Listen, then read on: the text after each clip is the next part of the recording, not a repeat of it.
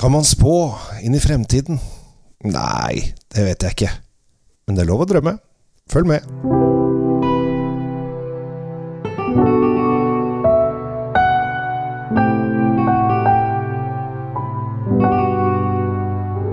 Hei og hjertelig velkommen til eh, en podkastepisode med meg, Kjell Gabel Henriks. Eh, Nå har vi kunnet skrive 2023 i ja, to uker og litt. Tre uker akkurat snart, hvis, det, hvis dere hadde vært her akkurat sammen med meg nå. Eh, Og jeg tenker litt på hva, hva er fremtiden? Hvordan blir 2023?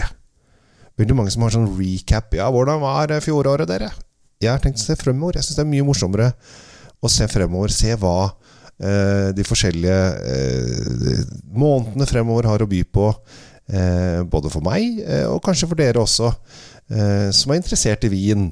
Og det skjer jo selvfølgelig veldig mye morsomt på vinfronten. Det kommer veldig mye ny vin inn på, på polet. Det skjer jo seks ganger i året. Vi er akkurat ferdig med januarslippet. Som er et ganske morsomt, spennende slipp med morsomme viner. Litt sånn Litt traust, kanskje, men det er liksom Det er januar. Da skal man liksom være litt forsiktig, og det skal sikkert polet være også. Men det kom dog en eh, både en silvaner, og dere vet jo, dere som har hørt mange av disse podkastene mine, at silvaner setter man alltid pris på. Og så kommer det en del amerikansk chardonnay som jeg syns er eh, spennende. Eh, Så det kan bli moro. Og så er det litt Bordeaux og ja, noen pinot noir og litt nye, rare druer også, som er på vei inn. Og eh, så begynner liksom eh, Hva skjer fremover? Hvordan, hvordan går vi an? Akkurat nå til helgen, og dette her denne episoden har vel ikke kommet ut engang før jeg har, eh, har reist til Brønnøysund eh, for å eh, kjøre litt vinkurs, og det er litt gøy. Og for dette her er jo egentlig for seg, vinkurs som kan gjøres hos alle restaurantører eller privatpersoner eller eventer. På fredagen så er planen da at vi skal snakke om vin fra litt annerledes land. Vi skal innom Slovakia blant annet. Marokko. Vi skal til Golanhøyden. Eh, vi skal til Georgia og England. Eh, og det å snakke litt om det er egentlig litt også å tenke fremover, for at det kommer veldig mye spennende vin fra nye destinasjoner som vi ikke er vant til. Og der syns jeg Polet har vært kjempeflink til å ta inn nye land, nye områder, som eh, vi her hjemme på Bjerget aldri, aldri hadde tenkt på å produsere vin. Jeg var, eh, nå Sist helg så var jeg i Norrköping og besøkte noen venner. Var inne på polet der.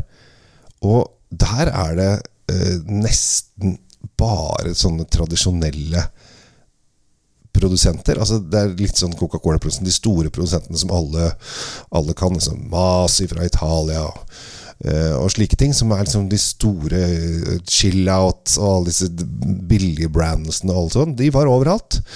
Men det mangla Jeg syns det var jo ingen av disse småprodusentene, de spennende vinene, de artige landene.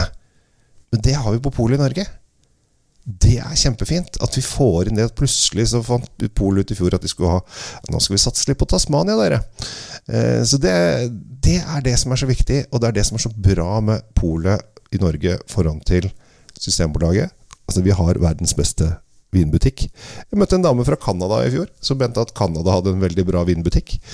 Eh, og det kan godt hende hun har rett i det, men jeg tror kanskje ikke hun har vært og sett hvor heldige vi er, vi som har Vinmonopolet. Og I slutten av januar eller starten av februar så kommer da Burgund-slippet. Det er liksom en uh, stor greie. Problemet der er det at Burgund har blitt veldig, veldig dyrt. Og det er jo en utfordring uh, for lommeboka. Uh, for nå skal vi jo spinke og spare, og alt går nedenom og hjem. Selv om jeg tror det er veldig mange som har ganske god og sunn økonomi, og egentlig gjør det ganske greit. Men strømmen er dyrere, og maten er dyrere, og alle sånne småting er dyrere. Og da kan det også hende at Burgund-slipp-pengene dine er, er litt dyrere også. Det er, da, det er dette slippet da folk ligger utenfor for Polet på Aker Brygge to uker for å kjøre, kjøpe en Romani Conti.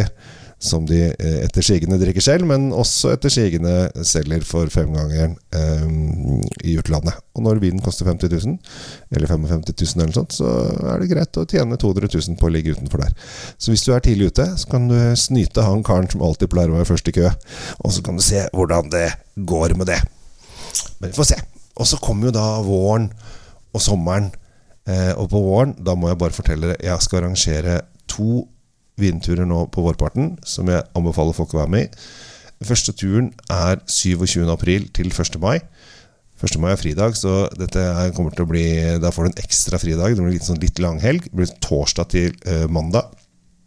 Da skal vi gjenta suksessen som jeg gjorde i høst med en tur til Toskana, og der jeg fikk så mye skryt av folk som har sett på vinturer til Toskana i 15 år, mente han, og aldri sett en så fantastisk eh, vintur med så mye bra vingårder som jeg er så heldig å få lov å plukke ut. Vi skal til Bibegretz, nordmannen, eh, med utsikt over Frense. Vi skal til vingården til Michelangelo. Vi skal til vingården der. Etter sigende skulle da Vinci ha malt Mona Lisa. Men nå er de litt usikre igjen. Men de snakker om en bro, og den broa skal vi se på. Og vi eh, skal eh, selvfølgelig til Brunello og smake deilig Brunello. Vi skal på Michelin-restaurant og alt mulig sånn. Og hvis du har lyst til å være med på det, så må du gå inn eh, på Facebook-gruppa mi Wien. Helt øverst der så ligger den turen, så kan dere melde dere på der. Og vi har plass til ca. 5-6-27 stykker. Men vi må være over 20 til å reise, og foreløpig har vi ikke blitt så mange, det, men det begynner å dra seg til der. Og siste helgen i, i, mai, altså de siste fem dagene i mai, da er det pinse. Og da skal vi ta en tur til Tyskland. Eh, og oppleve Tyskland på sitt aller beste. Vi skal til Fals, Rheinhessen og Rheingau. Og virkelig få oppleve gode tyske vinprodusenter tyske, sjarmerende små landsbyer. Vi skal gå gjennom vinåkrene fra en landsby til en annen. Skal, jeg skal prøve. Det har jeg ikke, har jeg ikke fått bekrefta ennå. Men jeg skal jomme se om vi greier å møte en ekte vindronning også. Eh, det er litt morsomt. Eh, de alltid blir hyggelige. Og jeg tror jeg lagde en podkast med en vindronning. Det gjorde jeg. For den, hvis dere går liksom tilbake i tida så lagde jeg podkasten med vindronningen i Baden. Veldig sjarmerende, koselig jente som kunne fryktelig mye om vin. Så det blir eh, tur nummer to. Og så er det sommer, og da skal jeg vel prøve å komme meg ut i, i, i Europa og kanskje teste litt. Jeg vet at jeg skal være vindommer i en internasjonal konkurranse også. En eller annen gang fremover. Vi har ikke fått noen datoer til det ennå, så det kan bli spennende. Eller så har det også, den har ikke blitt lagt ut ennå, men det kommer også en Rioja-tur i september. Så det kan bli spennende. Men jeg tenkte jeg bare skulle liksom fortelle litt om fremtidsplaner. Og inspirere dere til å bli med på ting og aktivisere dere. Og så er det selvfølgelig masse spennende vinmesser som skal arrangeres. Jeg tror jeg skal ha en med Nettavisen. Jeg har ikke fått satt dato helt ennå.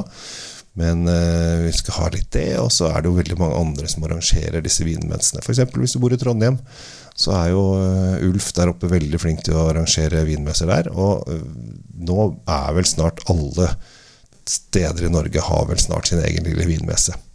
Og da er det viktig å benytte seg av anledningen å gå. Og så er det ikke så veldig vanskelig å få tak i meg. Det er flere som spør meg både om det ene og om det andre, men jeg kan komme på holde vinkurs både på privat basis, og det kan jeg. Eller om jeg kan komme med firmaeventer og litt sånn forskjellig, og det kan jeg. Og faktisk så er det også en del bedrifter som begynner å stille spørsmål om kanskje de vil at jeg skal arrangere vinreiser for dem. Og det kan jeg også selvfølgelig gjøre. Eh, I og for seg hvor som helst. Men eh, vi lager et fantastisk opplegg som gjør at du og dine kollegaer kan få dere en eh, skikkelig flott vinopplevelse. Så det er fremtidsplanene. Ingen direkte vin å snakke om i dag, men eh, jeg har masse jeg skal eh, smake på fremover. Så det kommer til å bli mange morsomme eh, vinpodkaster. Eh, husk at jeg har jo Facebook-gruppa for dere som er der, som heter Vin.